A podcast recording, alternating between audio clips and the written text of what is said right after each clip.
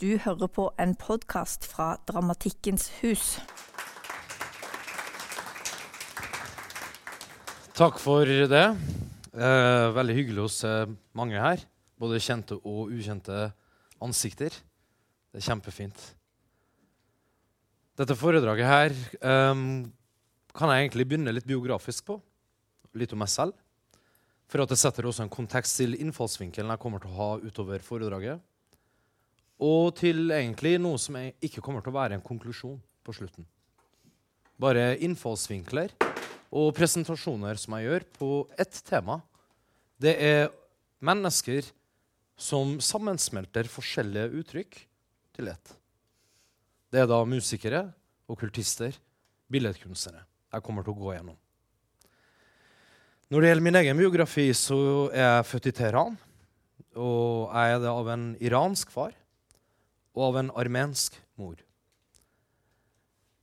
Min bestefar på morssida overlevde den armenske krigen, for å kalle det eller folkemordet.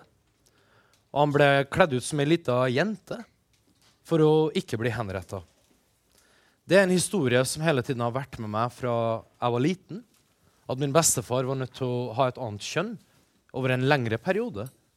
Opptre som ei jente for å overleve. Min bestefar, for jeg kaller begge to bestefar, på farssida, var dommer i Teheran. Han var iraner. Og han drev også med det som han kaller for vitenskapelig alkymi nede i kjelleren sin. Min mor er animatør, og min far er arkitekt. Jeg kommer egentlig fra Iran, men jeg har vokst opp store deler av livet mitt i Norge og så har jeg reist veldig mange plasser i verden og opplevd ekstremt mange forskjellige kulturer. Når jeg var 18, så dro jeg til India og ble der en stund. Der jeg lærte meg yoga og meditasjon. Og kom tilbake igjen og gikk dypere inn i en form for mystisisme. For at jeg som barn hadde alltid et aggressivt problem. Og det har de fleste barn som er født inn i en krig og ikke har noen mulighet til noe annet. Derfor var mystisisme for meg, og meditasjon spesielt, en vei kanskje ut av det, og en, et ankerpunkt som ikke hadde en kulturell plass i livet. Når det er så mange kulturer og land og opplevelser og mennesker, og man er ute av sitt eget hjemland og ikke har dette ankerpunktet. For meg så er det aldri interessant å si at dette ankerpunktet er iransk, eller det er utenlandsk, eller det er armensk, eller det er norsk i det hele tatt. Fordi jeg sammenstiller og likestiller alle disse her, både i mitt indre, men også i mitt arbeid. Det er egentlig en av grunnene til at jeg også har blitt tiltrukket av billedkunstnere som driver med dette her. Vi kommer til å begynne ganske langt tilbake i tid i dette foredraget. her. Og så kommer vi til å gå gjennom historie frem til vi er i nåtiden, med forskjellige eksempler på mennesker som sammensmelter disse uttrykkene. Den billedkunstneren vi kommer til å snakke om nest sist, er Matthew Barney. Det er en amerikansk maler, skulptør, performancekunstner og videofilmskaper. Hans store inspirasjonskilde kommer fra frimureriet og frimureriet er også noe av det som inneholder alkymien i vår tid, i en organisert form. Så vi kommer til faktisk å begynne med frimureriet. Og en liten leksjon nærmest i det, og dens røtter og dens symbolikk. Fortsette inn i alkymien, for la det ligge som et grunnlag for alt det vi skal snakke om igjen etterpå også. Alkymi innledningsvis middelalderkunst men som kanskje er sammen tilbake fra Egypt, som omhandler å nedsmelte forskjellige metaller. Skitne metaller innledningsvis som kobber og som bly, for deretter gå over til et renere form av det metallet, til eksempelvis merkurial eller kvikksølv, til å nedsmelte det igjen videre til at man finner gullet. Dette er i en fysisk forstand vi da snakker. Alkymien har blitt forsøkt med dette her helt siden middelalderen, men det har aldri, så vidt vi kan se, vært suksessfullt i å finne gullet som visstnok ligger inni alle disse edle metallene. Kanskje er enda viktigere den åndelige alkymien. der disse metallene tilsvarer indre dårlige sider, som egoet, som man kaller det i buddhismen. Som man gjennom forskjellige transformasjoner renser fra seg og legger bort. Det indre kobberet kan kalles for aggresjon innledningsvis. Så går man videre til det merkuriale, som kan være egoisme. Til å fjerne alt dette egoet over til gullet i sitt da indre. Dette bildet vi innledningsvis begynner med her, er fra Stockholm, når vi skal begynne med frimureriet. Og det er kapittelsalen, som man kaller det, og brukes som et tempel for de høyere gradene i frimureriet.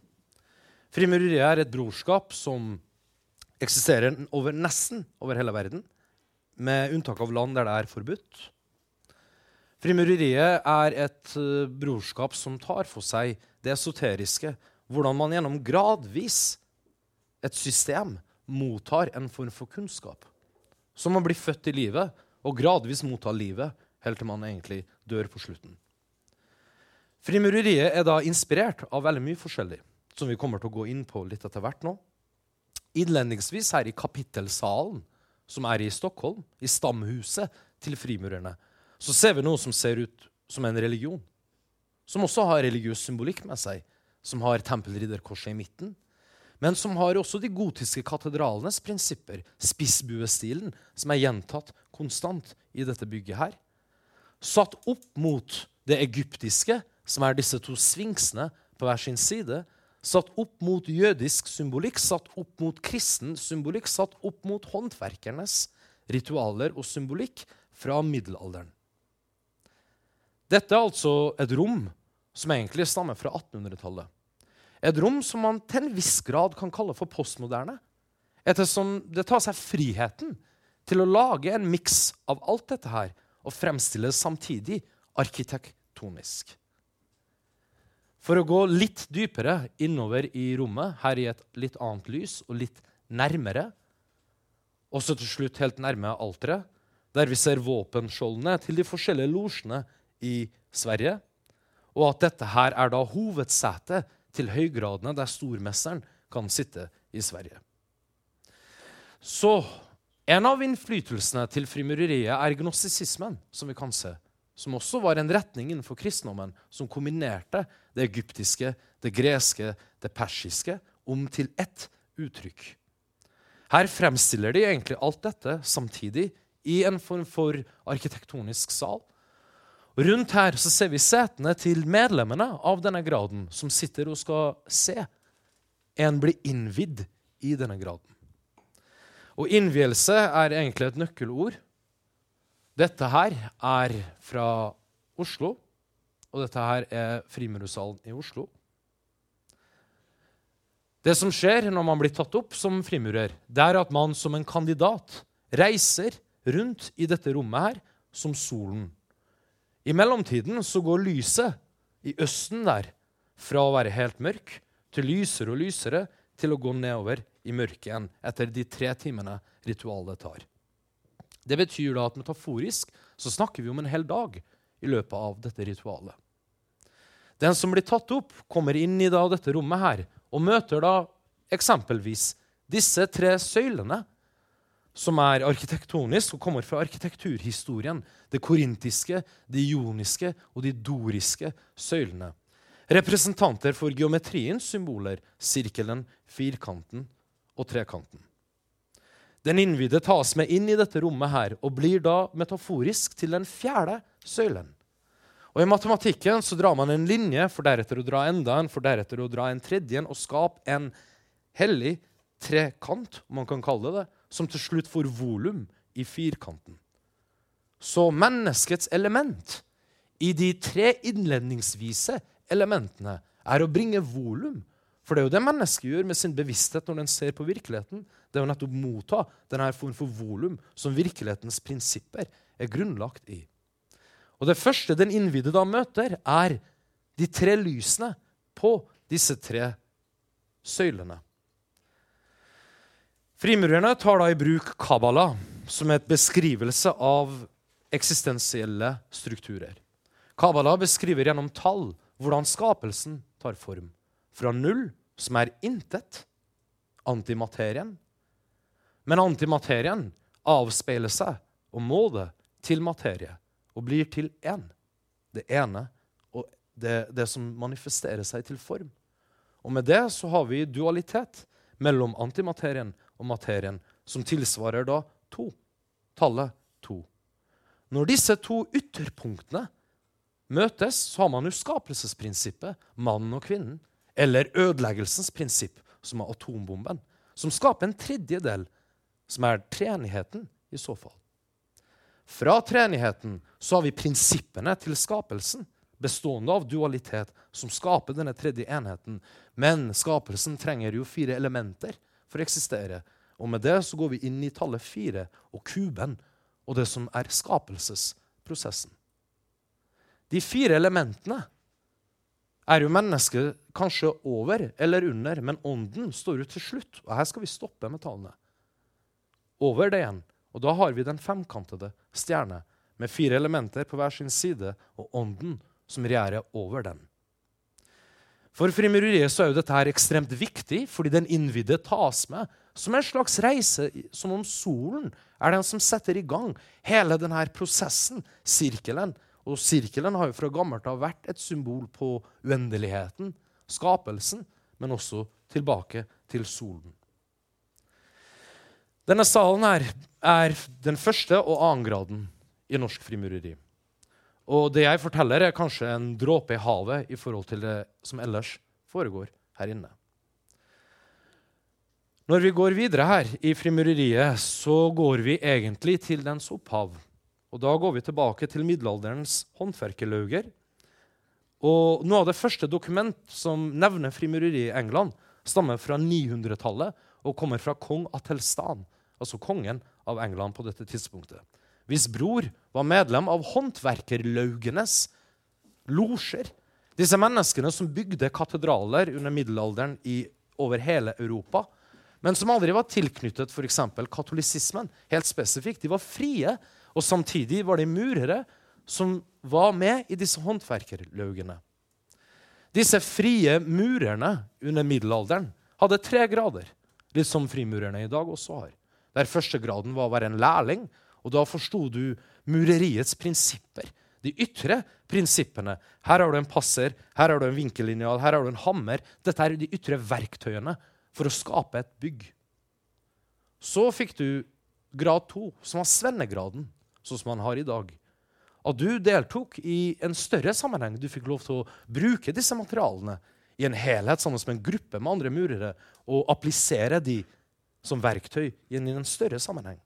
Og så har du mestergraden. Da mestret du det du skulle ha. Men du fikk også vite at disse geometriske symbolene, firkanten, trekanten og sirkelen, også hadde en esoterisk og okkult eller åndelig betydning. En annen betydning enn bare det praktiske. Og du fikk vite at disse symbolene var sannsynligvis integrert inn i en større helhet i arkitekturen her Notre-Dame. Det som er spesielt å se, er at når, etter at Notre-Dame brente, så forsøkte f.eks. For Snøhetta å legge frem en arkitektonisk plan med å bygge en sånn glassbur oppå Snøhetta. Den som til slutt fikk det, er en mystisk håndverkerlaug i Frankrike, som veldig få vet hvem egentlig er.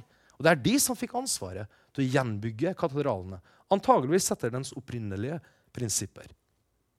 Notre-Dame er ikke det eneste kirka i Europa som murerne og de frie murerne bygde. De eksisterer fortsatt, som dere hørte i forhold til Notre-Dame. Men også f.eks. i England, der veldig mye av murerlaugenes opphav er. Og murerne der eksisterer fortsatt. sånn at Hvis jeg skal inn i håndverkerlaug, eller hvis jeg skal bli smed eller klokkurmaker, eller hva enn, så kan jeg bli tatt opp i en uh, middelalderorden som gir meg disse tre innledningsvis gradene. Frimureriets første tre grader er håndverkerlaugenes helt spesifikke grader. Og det som er viktig i forhold til gotiske katedraler og håndverkerlaugene, er spissbuestilen og vesicapaisis, som også brukes i katolisismen som et symbol og kalles for fiskeblæra. I dette tilfellet her så ser vi at det er et matematisk prinsipp. Man tar passeren og drar en sirkel, og så drar man enda en. Og ved hjelp av disse to ytterpunktene og to motstridende kreftene skaper en tredje helhet. Den religiøse betydninga av det er jo det maskuline, det feminine og kanskje barna og den hellige guddommelige treenighet. Mens den vitenskapelige, arkitektoniske betydningen er at det tillot håndverkerne å bygge mye høyere, bygge høyere bygg som var mer stabil pga. at den spisse buen holdt stabiliteten på plass. I tillegg så slapp man lyset mye sterkere inn. Ikke minst så er dette her grunnlaget for en ekstremt intrikat geometrisk system som antageligvis finnes i de fleste gotiske katedraler og kirker. Deriblant i Nidarosdomen, f.eks. med rosevinduet som er sentrert på østveggen. Alt dette her er de geometriske prinsippene som frimureriet eksisterte med. Men det som skjedde på midten av 1600-tallet med håndverkerlaugene, det var noe veldig spesifikt. Det var det at engelske adelen fikk nyss om disse håndverkerlaugene som skjulte hemmeligheter. Og adelen var jo selv i England helt spesifikt veldig opptatt av dette. her. For de fleste av de var alkymister og protestanter og veldig opptatt av eksperimentell vitenskap. Dette er på midten av 1600-tallet, da Galileo Galilei ble truet med å bli brent i staken fordi han har en helt annen mening enn det som står i Bibelen. De engelske alkymistene, deriblant en som het Elias Ashmole, som også startet det første vitenskapelige selskapet, The Royal Society of England, sendte et brev til den engelske kongen, som for øvrig var katolikk, og sa kan vi bygge en motvekt til Vatikanets måte å tenke på. De mener å ha enerett på at jorden er flat, mens den egentlig er rund, sies det. Og dermed så oppsto The Royal Society of England, dannet av alkymister. Men de drev jo med hemmeligheter innenfor denne form for alkemi. Og hvilken en bedre plass å kanskje gjemme disse alkymistiske prinsippene enn i håndverkerlauger som var hemmelige utgangspunktet. Så en adelsmann ble med en sjanse egentlig tatt opp i et håndverkerlaug. Og så kom det en til, og så kom det en til, og så kom det en til. Og etter hvert så oppsto det en indre fraksjon i håndverkerlaugene mellom menn som ikke kunne bygge, og menn som kunne bygge. De som ikke kunne bygge, satt og snakket spekulativt om geometriske symboler og måten ordenen og ritualene ble tatt opp på, mens resten bygde. Så fikk man en splittelse i England mellom det som ble det spekulative frimureriet, og det som ble det operative mureriet. Begge to eksisterer den dag i dag. Men frimureriet inspireres da av håndverkerlaugene, men er kun spekulativt den dag i dag. Og et indre opplevelse av disse mystiske, geometriske og arkitektoniske prinsippene. Dette her er et bilde som kommer til å bli med oss videre i foredraget.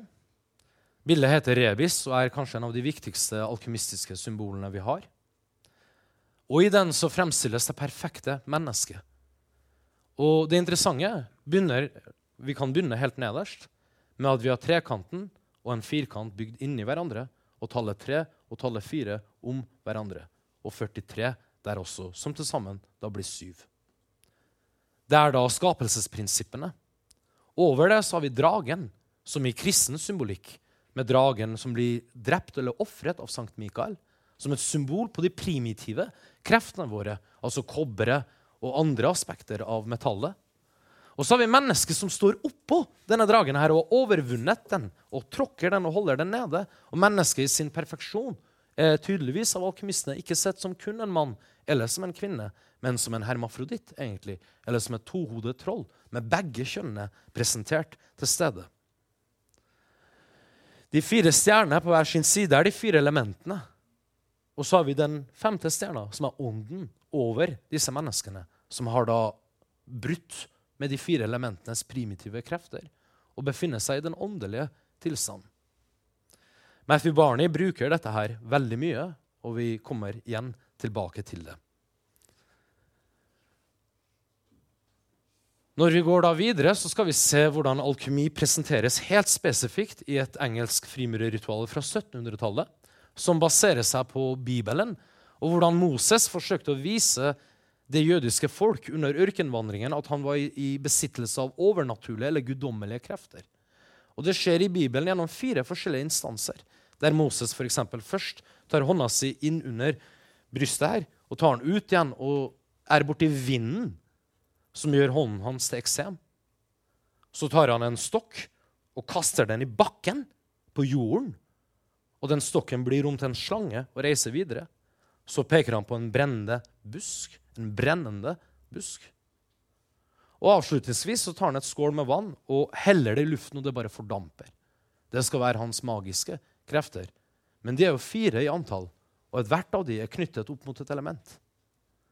Så det er antageligvis noe i Bibelen som også omhandler det alkymistiske, ser det ut til å være. Lest slik, i hvert fall, av 1700-tallets engelske frimurere. I denne graden her, og jeg vil at vi skal se for oss hvordan det er i virkeligheten, at det er gardiner som går faktisk fra gulvet og helt opp til taket, og ikke er åpent og så lavt som dette her er. Og at dette her er et massivt rom vi har å gjøre med, der man kun ser kammer for kammer, og ikke ser det som er bak.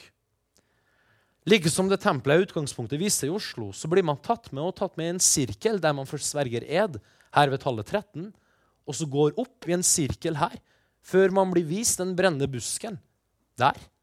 Og det er starten på elementene. Før man blir tatt med hit til denne mannen her, som har en stokk i sin hånd og kaster den ned i bakken og snakker om elementet jorden, og gir deg et passord som du går videre med til han, som har et skål med vann i hånden sin, og kaster den ned i bakken og gir deg et passord som du går videre til han med, som har hånden sin i brystet og stikker den ut og gir ord om luften. Og så mottar du et nytt passord og går videre, sånn at man går fra teppet, som åpner seg som en babusjkadukke, lengre og lengre og lengre inn i et kammer, som antageligvis symboliserer ens eget indre. Og hvordan kandidaten da renses, metaforisk, gjennom disse fire elementenes berøring eller transcendens, høyere, høyere opp, helt til han kommer i den salen han enda ikke har sett, og gardinene går opp, og lyset kommer fremtredende. Så da har vi de fire elementene representert her, og lyset der oppe. Til sammen tilsier dette her pentagrammet, eller femkanten, med de fire elementene og ånden som reises over den. Før vi går videre fra frimureriet, så ser vi her en, en helt spesifikk teatralsk sammenheng. Der teaterets prinsipper blir faktisk brukt til å formidle åndelighet. Gardinene, rollespillet, musikken, lyden og det introspektive er gjort med en teatralitet som tilsvarer en kombinasjon mellom romersk, jødisk, gresk, engelsk og persisk filosofi sammensmeltet til ett. På det tidspunktet her så ble disse ritualene her utført av veldig konservative engelskmenn, som gjerne ofte var i politiet eller i domstolen. Og Det er ganske spesielt hvordan disse mennene her eksternt fremsto som så konservative. Men i det hemmelige og i det lukkede hadde vi å gjøre med ritualer som var postmoderne og multikulturelle egentlig i sitt uttrykk.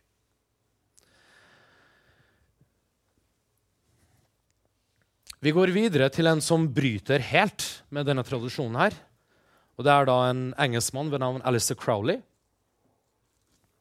Som antageligvis de fleste av dere her inne har hørt om eller kjenner til. Crowley ble født i midten av 1800-tallet til en veldig konservativ kristen familie. Hans far var presbyteriansk prest, som var veldig streng og veldig autoritær, og Crowley så veldig opp til han, og han døde mens Crowley var veldig ung.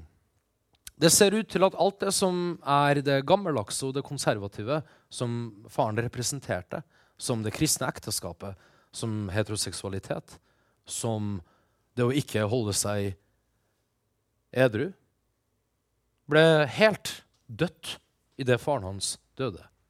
Crowley eksploderte i sin seksualitet og ble bi biseksuell nesten umiddelbart. Og gikk dypere og dypere inn i ideologier og religioner som ikke var kristne. Som det esoteriske, som det kabbalistiske og det alkymistiske. Han dro til India, studerte yoga. Han dro til Mexico og studerte magi. Og så kombinerte han disse tingene her i seg selv, egentlig mer og mer og mer, som et menneske. Dessverre så var han så avhengig av heroin og morfin i sitt liv at det holdt han nede veldig ofte.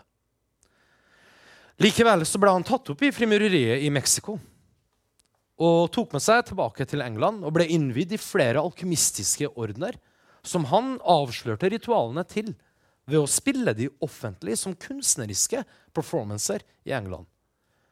Med det så åpnet han egentlig døren litt, fordi han ble jo ansett som dypt kriminell av disse politimennene og domstolsfolkene, selv om han var okkultist selv. Så han forsøkte kanskje å bryte med den eneretten de skulle ha på denne ideen ved å vise det offentlig. Og ved å reise verden rundt og heller være en av de første europeerne som skiftet identitet konstant i forhold til den kulturen han var i.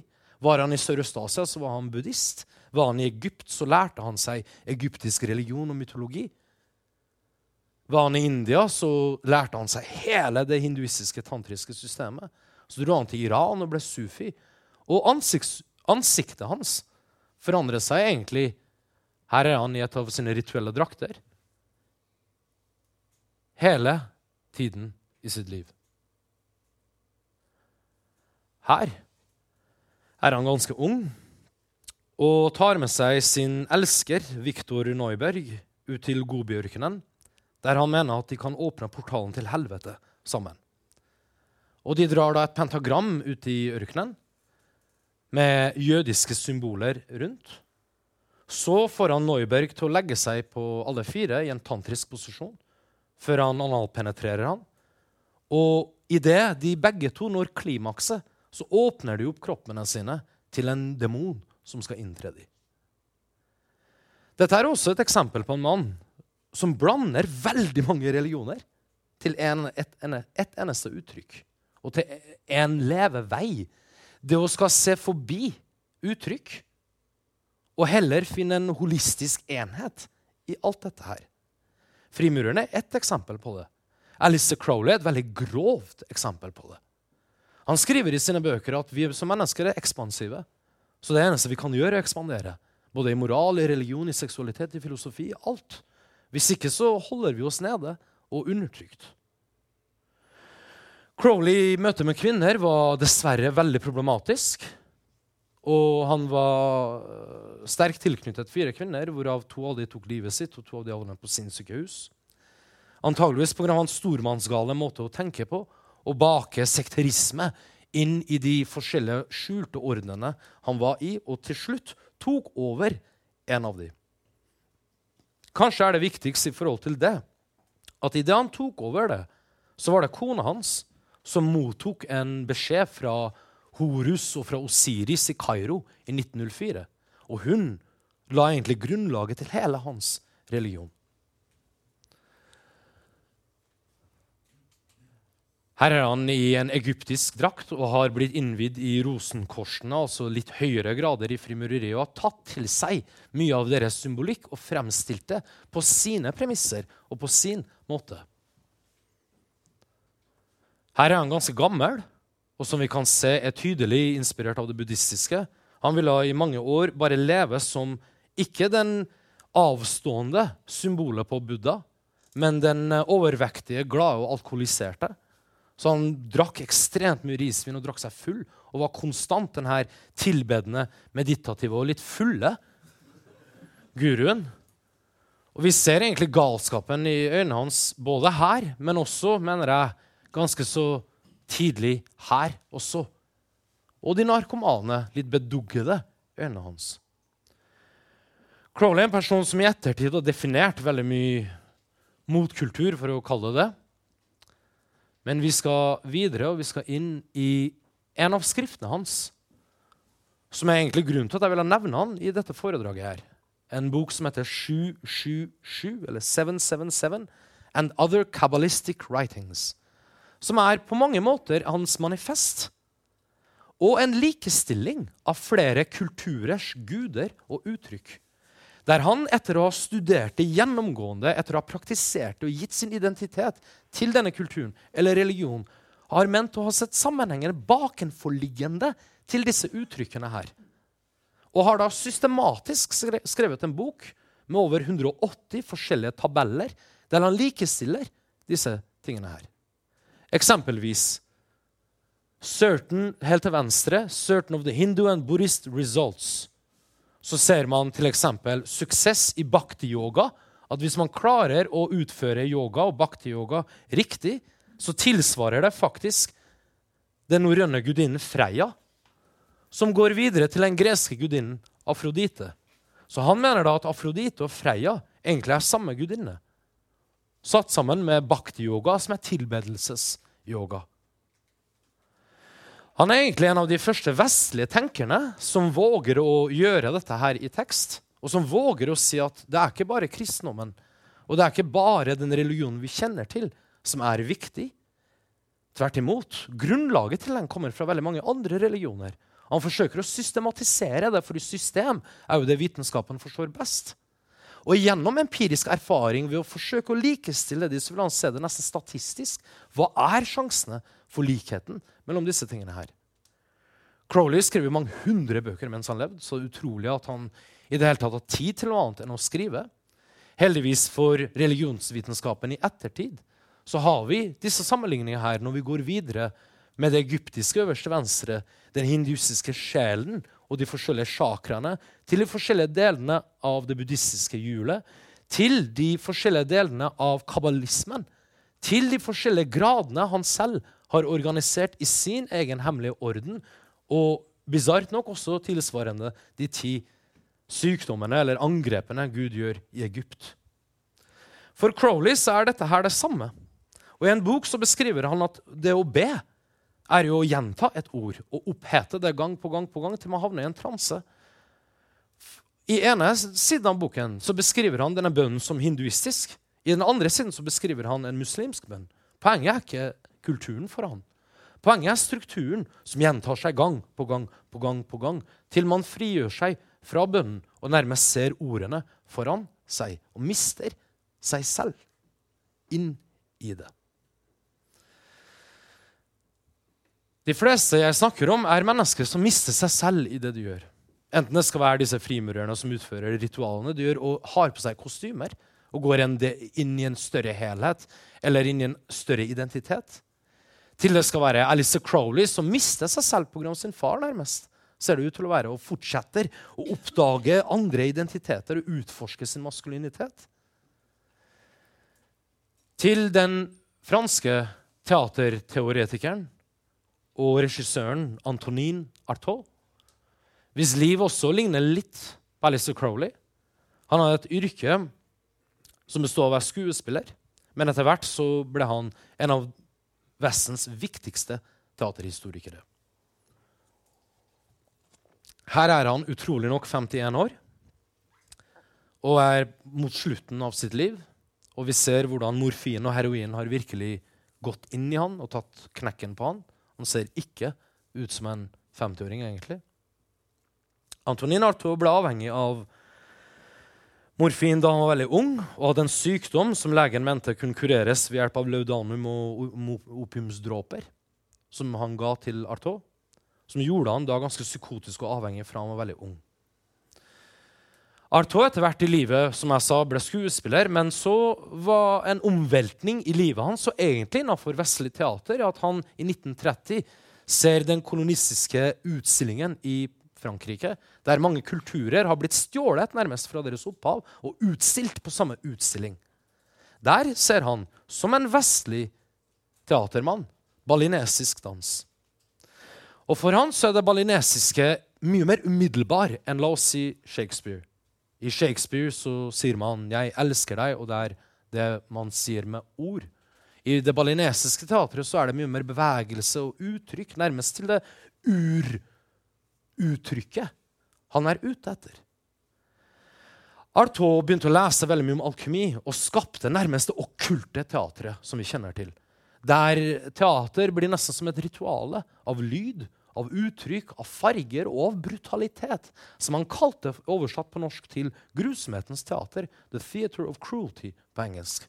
Og ordet grusomhet der er jo ikke det negative grusomme, men det er det vi nesten ikke tåler å se av vår egen identitet. Skuespillerne skulle intensiveres gang på gang på gang i sine bevegelser og ha helt spesifikke rituelle uttrykk. Helt til de mistet egentlig teknikken og ble en del av det. Mistet seg selv til skuespillerteknikken og til teatret til slutt. Artaud ble jo utover livet sitt mer og mer psykotisk, og han var inn og ut av sinnssykehus. Og gjennom sinnssykehuset så skrev han disse svarte, magiske brevene til spesifikke venner han skulle ønske dødd. Så han skrev deres navn på et brev og røyket sigaretter og brente hull på navnet deres og sendte det direkte til dem. Det sies jo at en av de døde, men man vet jo ikke av hvilken årsak. Det kan godt hende at det var helt naturlig død, men hun døde i hvert fall etter å ha mottatt et brev av denne mannen her. Så fra med Artaud så går det okkulte. Ikke i form av bare symboler eller i form av bare ideer, men til det uttrykksfulle. Mer og mer og mer inn i teatret.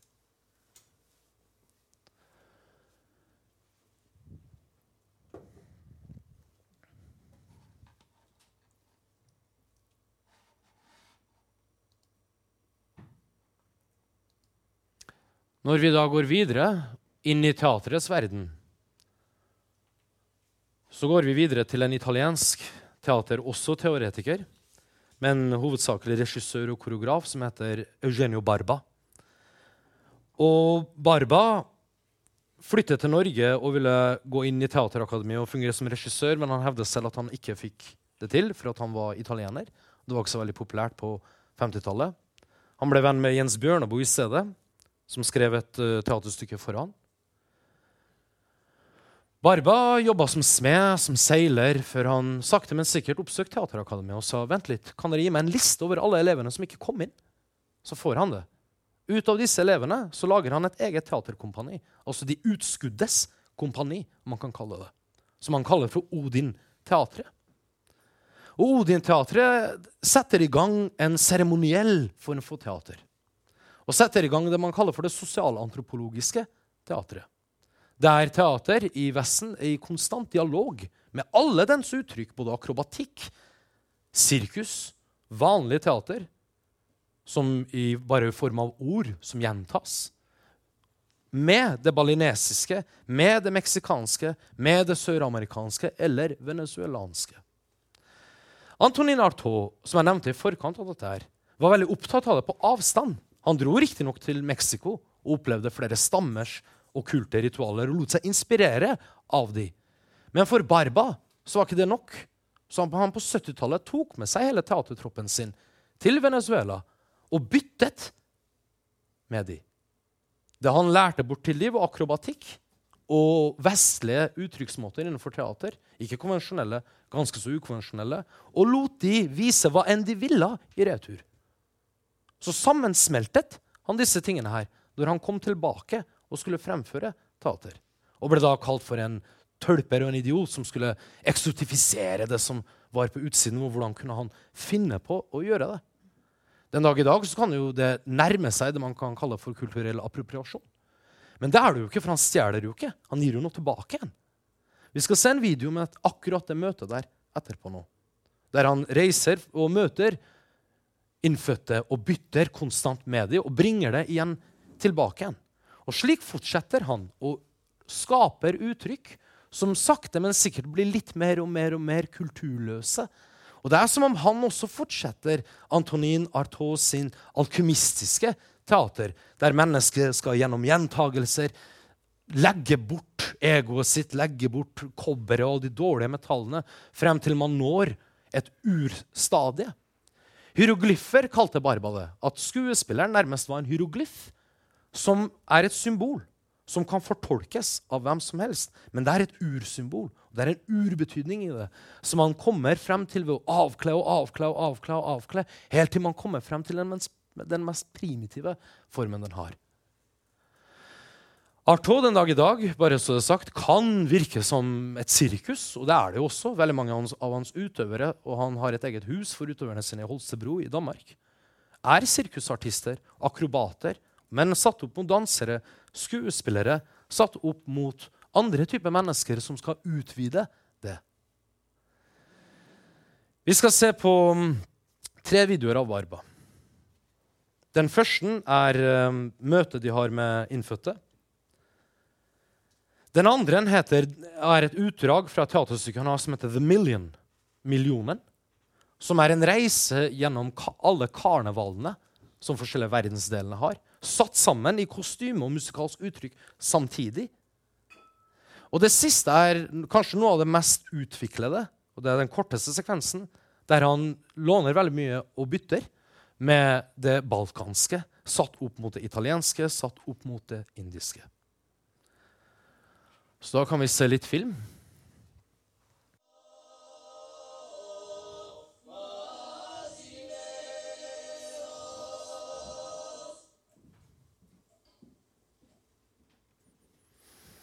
Man kan på mange måter si at Barbas språk er verdensspråket. Og det tror jeg også dere som publikum fikk oppleve litt nå, gjennom å se ganske mye av det han gjør på komprimert tid. Og se hvor mange forskjellige kulturer det er uttrykt bare dette her, både i lyd og kostyme og øh, bevegelse. Til eksempelvis i The Million så er de kledd i latinamerikanske klær. De gjør en um, balinesisk dans, mens musikken er sånn klassisk feliniesk italiensk sirkusmusikk. Og alt dette presenterer han samtidig, som om det er det samme. Og så utrolig nok ble han kalt for rasist når han likestiller alle kulturer til ett. Og ett eneste uttrykk. Så kalles det for rasistisk. Det er ganske utrolig. Men sett i, fra vår tid så er det kanskje ikke det. Da vi gjerne har gått gjennom ironiens tidsalder midt oppi alt dette her. Um, Barbas teater er den dag i dag uh, basert i Holstebro. og Han reiser rundt og har foredrag og workshops der han viser denne teknikken som handler om å finne urkraften og dette urhieroglyfet. Jeg har vært så uheldig å ha møtt han. Og Frem til det tidspunktet så var han kanskje en av mine største helter. og han er det egentlig den dag i dag når det gjelder teater. Og Det var et veldig interessant foredrag han hadde på Det Norske Teater for noen år siden der han presenterte hele denne filosofien. Og vi så et teaterstykke, og så var det spørsmålsrunde etterpå. Og Da spurte jeg, sa jeg til han at jeg selv jobbet med et stykke som var basert på det antikke Roma, altså Satyrikon og Romerriket, hvordan det hadde veldig mange kulturer uh, uttrykt samtidig.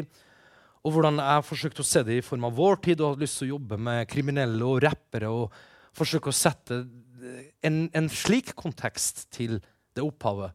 Kunne du tenkt deg å ta deg en kopp kaffe med meg? Nei. Nei vel? Så tenkte jeg, går det an å være så direkte? Ja, det går til Lusan. Er du ingen kaffe? Nei. Så snudde han bare 180 grader og gikk. Det var egentlig ganske befriende. å få den nei-en var egentlig ganske befriende. Aldri mer skal jeg gjøre noe så patetisk som det der. Så når vi da går videre til en annen B her, så går vi da videre til Matthew Barney. Og Matthew Barney er en amerikansk maler, som jeg sa i stad, filmskaper og skulptør. Og ble egentlig umiddelbart kjent rett etter mastergraden sin i USA. Da Nancy Spector kuraterte han som en av de yngste i Venezia-biennalens Aperto-pris, som inkluderte også en seksårig kontrakt med Hugo Boss. Så allerede under mastergraden hans fikk han en seksårig utømmelig sponsorering av Hugo Boss. Under mastergraden sin så viste han at han kan veldig mye om atletisme, at han har spilt amerikansk fotball. Så han integrerte til å begynne med sport inn i arbeidet sitt. For deretter å integrere kunst, som i tegning, og brukte veldig mye av kroppen sin atletisk for å lage tegninger. Ved å spenne seg opp i umulige situasjoner. Og forsøkte å vise hva kroppen kan gjøre under press når vi så bedagelig sitter og lager en tegning, så ville han sitte og se hvordan, hva som skjer med kroppen under press. Hva skjer med tegningen da? Fokuset hans var på en muskel som heter cremaster-muskelen, som trekker seg sammen og slapper av igjen. Litt som i yoga når man puster inn og man puster ut, og består av disse motstridende kreftene som barnet etter hvert blir mer og mer og mer besatt av. Og arbeidet hans tar strukturen til frimureriet gjennom innvielser som han selv gjør som hovedperson i arbeidene sine. Veldig sentralt i arbeidet til Matthew Barney har den mytologiske karakteren Hiram Abif vært. Hiram Abif kommer egentlig fra Moseboka, men blir veldig mye brukt av frimurere. som et symbol på arkitekten som bygde arki eh, kong Salomos tempel. Men om natten når han skulle be, så var det en mann som sa til han, kan du gi meg det egentlige navnet på Gud. Og han nekta. Så ble han slått en gang, og så dro han videre i tempelet. Så det, kan du gi meg navnet på Gud? Sa en annen. Sa han nei. Så ble han slått en gang til og gikk videre inn i tempelet. Kan du gi meg navnet? Sa en tredje en. Nei, sa han. Da ble han slått i hjel. Senere så gjenoppstår han. For at på graven hans så ser man et gren som har sprunget. Litt som fruktbarhetskultene. At Hiram Abif ikke er død, men han skal gjenoppstå. Mange sier da at denne frimuremyten egentlig er solen som dør og gjenoppstår. Eller guden, den egyptiske guden Osiris. Eller den persiske guden Mitras. Eller den indiske guden Krishna. Eller den abrahamittiske guden Jesus, som også dør og gjenoppstår. Matthew Barney ser ut til å ha forstått alle disse fortolkningene av den ene kraften, litt som Alice Crowley og Artaud og Barba forsøker å gjøre, på sine premisser. Så han fremstiller arbeidene sine gjennom alle disse uttrykkene og blander det med ofte industri. Det er litt kjedelig bilde dette her akkurat nå, men vi skal inn i litt mer spennende bilder etterpå. Det er som om det er en konspirasjonsteori at makten ofte bruker esoterisk symbolikk på sine bygg. Som oftest er det kanskje det, men jeg skal gi dere et eksempel på det som ikke er det. Og det er Chrysler-bygningen i New York, som er laget av Walter Chrysler, lederen for dette bilselskapet, som er en besatt frimurer, og som ville at Chryslers symbol skulle være femkantede stjernen, med symbolet stripen rundt som et pentagon, nærmest. Han anså byggingen av Chrysler-bygget i New York som nærmest noe Babels tårn. Og Det er snakk om industrialister som ser seg selv gudebenådet, tydeligvis, når de forsøker å skape ny mytologi ved hjelp av industribygg. Så er Barney veldig inspirert av dette her, og bruker da og ser sammenhenger mellom industriens symbolikk, men også det okkulte, og blander det sammen til en helhet. Cremaster består da av fem filmer, hvor vi skal fokusere på den tredje, der han selv spiller en form for Hiram Abif på to måter. Den ene er i en helt fiksjonalisert film, der vi får se han i 1920-tallsklær, og at han spiller den herre arkitekten som blir slått i munnen for at han beholder hemmeligheten og dør og gjenoppstår. Men også som en performance på Guggenheim, der han har delt opp etasjene til Guggenheim etter fem forskjellige frimurergrader. Og så er han kledd i en sånn rosa skotskilt og har blodig fille i kjeften. Og så klatrer han over etasje per etasje og møter noe fra popkultur eller fra esoterisk religionskultur. Som f.eks. underholdningsdamer som bare står og gjør én ting med en fot, er en av disse frimurerinnvielsene han skal inn i. Eller punkbandet Agnostic Front, som han selv er så glad i, er også en innvielse i frimureriet. Når vi ser på videoen etterpå, legger merke til at publikummet i denne punkkonserten inne i Guggenheim, som har på seg punkeklær, bare roper frimurerting. Som wisdom, strength, east, west, north, south. Og pl plutselig er publikummets lyder blitt til det okkulte. Og plutselig er det som egentlig har vært skjult veldig lenge, tilhørende en gjeng med punkere. Og det er også det som Matthew Barney nesten tar over fra Alistair Crowley og fra Artaud, og fra ikke minst Barba, som hadde dette sosiale og åpne teatret der det meste kunne skje.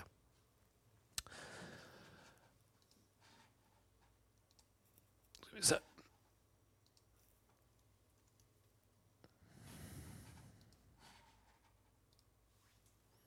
Her ser vi da et bilde fra en av filmene hans. Vi ser rett og slett Chrysler-bygget. og Han filmer den veldig ofte i filmen sin på nattestid.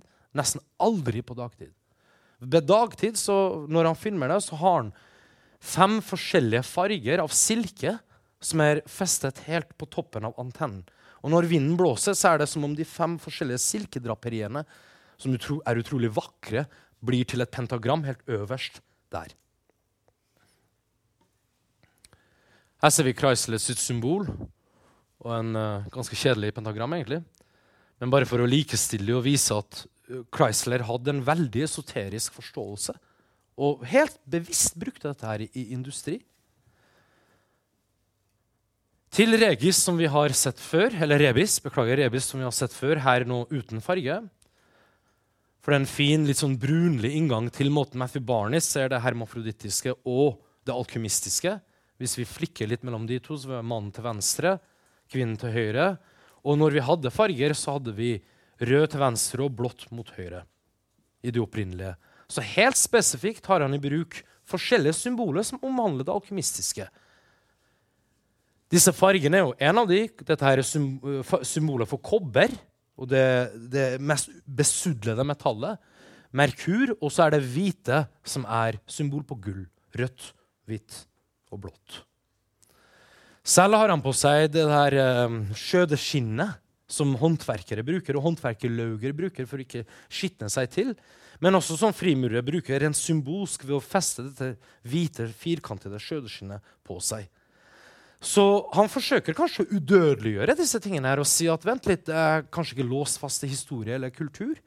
Men han som er en postmoderne billedkunstner er helt fri til å også ta med seg denne paralympiske utøveren uten føtter til å være med i filmen hans og være en av disse personene han skal battle når han klatrer opp etasjen på Guggenheim. Her har vi den amerikanske um, postmodernistiske skulptøren Richard Serra som er en minimalist, og som Matthew Barney er veldig inspirert av. Her fremstilt som stormesteren av det engelske frimureri. Richard Serra er også i Guggenheim, og mens eh, Matthew Barney klatrer opp disse fem etasjene, så står Richard Serra på toppen og smelter voks og kaster det i veggen og lar voksen renne veldig sakte nedover og nedover og nedover helt til det når første etasje. Og det må skje før Barney har nådd femte etasje. Når Barney når femte etasje, så har han også noe av samme materie som Richard Serra har rent nedover, med seg, bare opp. Så uh, utrolig kompleks arbeidet til Barney, men han forsøker kanskje å fortelle oss at det som er himmelriket oppe, er også her nede. Som det alkymistiske ordtaket 'as above, so below'. At himmelriket er på jorden, og jorden er i himmelriket. Og det er det samme.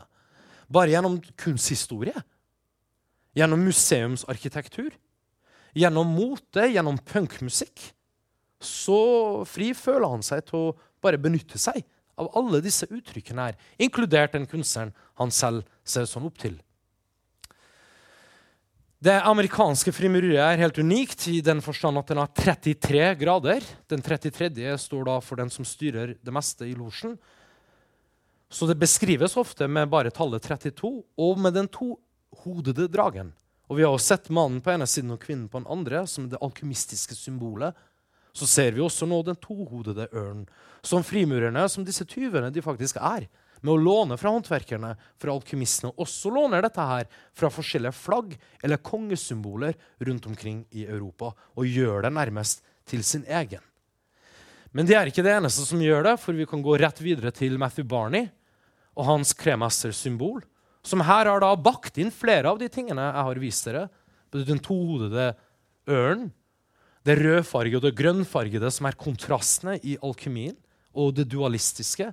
Vi har Chrysler-bygget, og så har vi Chrysler-symbolet der øverst. Her nå istedenfor som et pentagram, eller som en slags sånn her radar som lyser opp fra toppen der. Så har han gjort den faktisk om til en ganske spesiell patch også. Og faktisk valgt å bruke det mest brukte frimurussymbolet, passeren og vinkellinjalen, inn i sitt eget arbeid og gjort det til sitt selv om han selv ikke er frimurer. Matthew Barney kommer jo også fra en generasjon som har lest Naomi Klein og adbusting. Og dette er jo også kanskje en del av det å ta de kommersielle kreftene, som Chrysler sitt symbol, i hvert fall, og gjøre det til et sånn kunstnerisk helt eget plagg. Men det er ikke så lett å gå dit i den samtalen om Matthew Barney så lenge han var så sponsorert av Hugo Boss. Så er jo ikke dette her kanskje en institusjons- eller kapitalismekritikk han egentlig driver med, men mer en en holistisk forståelse av at det meste kan være i ett, sammensmeltet til ett uttrykk. Avslutningsvis med fotoserien fra Cremasse så har vi han i denne kilten og dette blodige fillet i kjeften og det veldig overdrevet uh, skotske hodeplagget på seg. Og frimurerne sies det jo stakk til Skottland når det ble ulovlig, og tempelridderne stakk til Skottland når det ble ulovlig. Og han har røtter selv i Skottland, så de skotske ritualene og atletiske sportene er ekstremt viktig i Cremaster. Litt som å kaste boccia, som han er på vei til å gjøre med dette veldig arkitektoniske symbolet ved seg. I frimureriet, når man fester et skjødeskinn foran seg, så er den som regel laget av lammeull og symboliserer uskyld. Og vi ser lammet her under oss i en veldig skulpturell utformelse. Vi kan gå videre til et klipp fra Cremaster 3, der han klatrer oppover etasjene og møter to forskjellige grader innenfor Barneys frimureri, om man kan kalle det for det.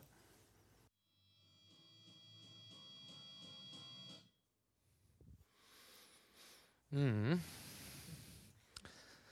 Det ser jo hva skal man si, det ser jo ut som uh, frimureri på en eller annen merkelig måte. Ettersom det i hvert fall på overflaten har symbolene til det.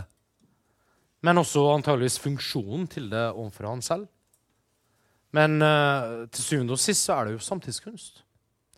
Og det samme Barba, til syvende og sist så er det jo teater. Og det er interessant å se hvordan disse forskjellige menneskene uttrykker denne forståelsen for den bakenforliggende enheten i noe, gjennom hva de er, og den de selv egentlig er.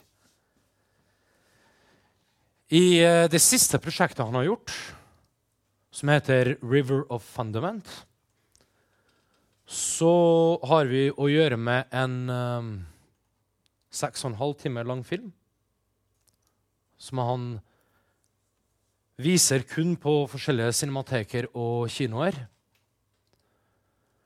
Og I denne filmen her så har vi et veldig komplekst uh, narrativt grunnlag som tar utgangspunkt i Norman Mailer sin roman 'Ancient Evenings', som handler om sexlivet og dødslivet til faraoene. Og det er en farao i den boka her som helt spesifikt sies å være etterkommer av guden Osiris og konstant dør og blir gjenfødt i den boka som menneske og som dyr. Som fattig og som farao.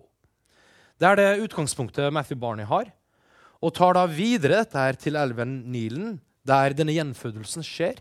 Og i Ancient Evenings i boka til Mailer så skjer den gjenfødelsen konstant i avføring. I det som har blitt avkastet. På den måten her så snakker vi om alkemi i Egypt, og måten egypterne tok i bruk veldig mye av metaller de egentlig skulle ha kasta i den alkymistiske prosessen, men også i bruk avføring og andre deler av mennesket som ble ansett som skittent. Fordi de anså det som fylt av potensialet, akkurat det. I filmen 'River of Fundament' så møter vi Norman Mailer. Um, han er jo død, og han døde rett før filmen ble spilt inn. Så vi møter han kun som et symbol. Vi møter han som en af afroamerikansk skuespiller. Vi møter han som tre forskjellige amerikanske biler. Vi møter han som Matthew Barney, og vi møter han som guden Osiris. Disse, inkludert bilene, dør og gjennomstår konstant. Matthew Barney i filmen dør selv og gjennomstår i kjelleren til Norman Mailer, som er fylt med rennende diaré. Så for hver gang han dør, så våkner han opp i dette diarévannet og kommer ut av det. Så andre gangen han dør, så blir han fødende ut av en ku. Eller ut av en uh, gravid pornostjerne. Og så. Så har vi bilen, som også er en slags Chrysler og en Trans Am, som symboliserer Osiris pga. at den kan minnes som en sarkofag eller beholder for et menneske. Så dette er jo barnet selv, som i det tilfellet er både er Osiris men også er Hiram Abif, som jeg nevnte tidligere, men også er Norman Mailer. Og dette fotoet her, som han har vist som et eget verk, tilsvarer jo veldig mange forskjellige uttrykk samtidig. Vi har jo det protestantiske bak der.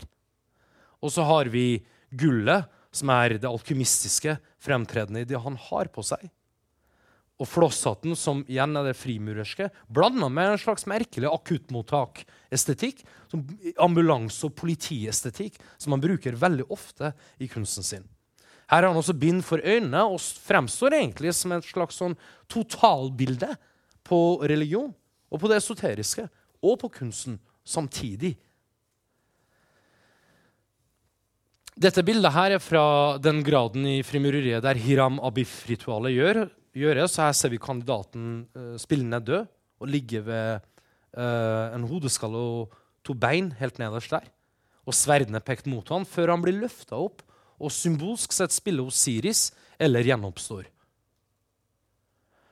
Her er Barney inne i ambulansen før han skal rett og slett gjenoppstå. Vi ser hvor faktisk inspirert han er fra dette likvaket som er rundt Hiram Abif, eller rundt Osiris. Og han selv utspiller denne rollen her. Dette er da den bilen som han, den Transam-bilen som han uh, i filmen ødelegger. Og, og, denne karakteren vi så, setter seg inn i denne bilen her og kjører ut av kirka rundt omkring i Detroit før biler krasjer ved en bro og faller i elva i Detroit. Som et symbol på Osiris som dør og faller inn i elva. Så er det Trans Am-bilen som er Osiris og faller i elva.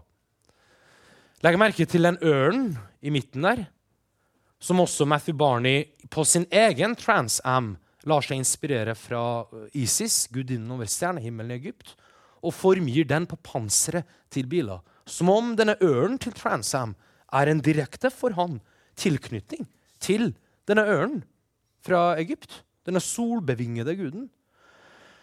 Og er det kanskje det? Er man kanskje så fri i vår tid at man bare man ser sammenhenger i form, så betyr det likhet? Eller er det det at han vil dypere inn i industri og si at det er noe med industrien som også er som jeg nevnte i sted med Chrysler, tilknyttet det religiøse eller det stormannsgale, nærmest? Når biler faktisk faller i vannet, så dras den opp igjen som et lik, som et faktisk lik i filmen. Et nedbrent lik. Og løftes opp av en sånn CSI-gjeng med politifolk som etterforsker liket til denne bilen. Og den behandles da deretter som et menneske, rett og slett. Før den parteres stykke for, stykke for stykke og tas med til et kriminalteknisk laboratorium, som i dette tilfellet her er det store smelteverket i Detroit og nedsmeltes og gjøres om til en ny bil laget av gull lenger ned der. Og slik fortsetter det med denne bilen tre ganger. Den blir nedsmeltet og omgjort til en ny amerikansk bil som har veldig mye å gjøre med kapitalisme eller amerikanske symboler. Vi må også huske på det lille politiske aspektet til River of Fundament. at Detroit er en by som har en nedlagt bilindustri, der veldig, mange, øh, veldig mye metall nedsmeltes for å gjenbrukes i ettertid. Så det er slik Barney ser sammenhengen mellom industriens bruk av metall til alkymiens bruk av metall.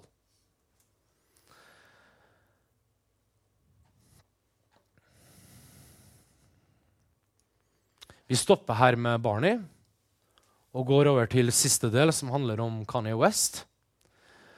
Og vi begynte jo dette foredraget Jeg vet ikke hva klokka er nå. Men uh, Ja. Vi begynte jo dette foredraget her um, ganske langt tilbake i tid. Og vi hopper akkurat inn i nåtiden, der West ser ut til å ha gitt fra seg veldig mye av det tidligere i kunstnerskapet sitt og det musikalske landskapet sitt. Kanye West er en amerikansk rapper som også er motedesigner. Men mer og mer og mer har jeg lagt merke til har begynt å gå inn i gruppekoreografier og bruker det som sitt middel. Og I disse gruppekoreografiene så setter han sammen elementer som tilsynelatende ikke har så mye å gjøre med hverandre, til en ny religiøs sammenheng. Den første gangen han gjorde det, var på Brit Awards. Da han uh, kledde en hel gjeng i svart, og de fremsto som en gjeng med bøller på scenen. Og akkurat da drev NYPD og skjøt veldig mange afroamerikanere uskyldig i USA. Så det er som om Kanye West gjør et politisk statement med den konserten og fremstiller en mobb på scenen, og etter hvert ber de om å get down foran publikum. Kom dere ned som om de er i et faremoment foran publikum. Så virket det å ha rakna totalt for han etter hvert. Da han maler håret sitt blondt og begynner å snakke pro-Trump. Men samtidig begynner å gå dypere og dypere inn i gruppekoreografier av ting han tidligere har gjort, også erfart. Vi må huske på at Kanye West først og fremst ikke er en rapper. Han er først og fremst og begynte karrieren sin som en produsent. Og det vil si at Han vet hvordan å hente inn han og hente inn han, og hente inn han, og så har vi full pakke sammen med akkurat det. Og da har han lært seg å bruke virkelig til det ytterste. Innledningsvis på Brit Awards, men så mer og mer med innsatte fra fengselet, kriminelle som nettopp har sona, er med i hans nye Sunday Service, som er en slags uh, predikantrolle han har tatt, og har en ny religiøs presentasjon av dette. Satt opp mot lokale mennesker, mennesker f.eks. fra Detroit, eller fra Chicago eller fra New York. Dansere han har funnet der og da. Satt opp mot predikanter, satt opp mot superstjerner, satt opp mot uteliggere. Og det presenterer han nesten litt sånn samtidig, som om det er det samme. Og som om dette er den nye måten Jesus skal fortolkes på. Derfor har jeg hatt med han i dette foredraget her. Så vi kan egentlig avslutte foredraget, for nå har jeg snakka nesten i en og en halv time uten stopp. Med en filmsekvens. Med en uh, mash-up, egentlig, av Kanye West sine gruppekoreografier. Den første, Brit Awards. Nummer to er uh, Sia, som synger uh, en, en, bønn for Kanye West og for innsatte i fengsel. Den tredje er DMX, som også har en bønn. Den eh, fjerde tror jeg er fra fengselet, da han har, kan jeg ha gått inn i et fengsel og har konsert og bønnemøte. Og den uh, femte er fra et universitet der han har med seg veldig mye av lokale studenter med å danser og lager et slags sånn New Orleans kreolsk rituale. Og den siste er en Sunday service som nesten fremstår som en, et skulpturverk eller som et scenekunstverk.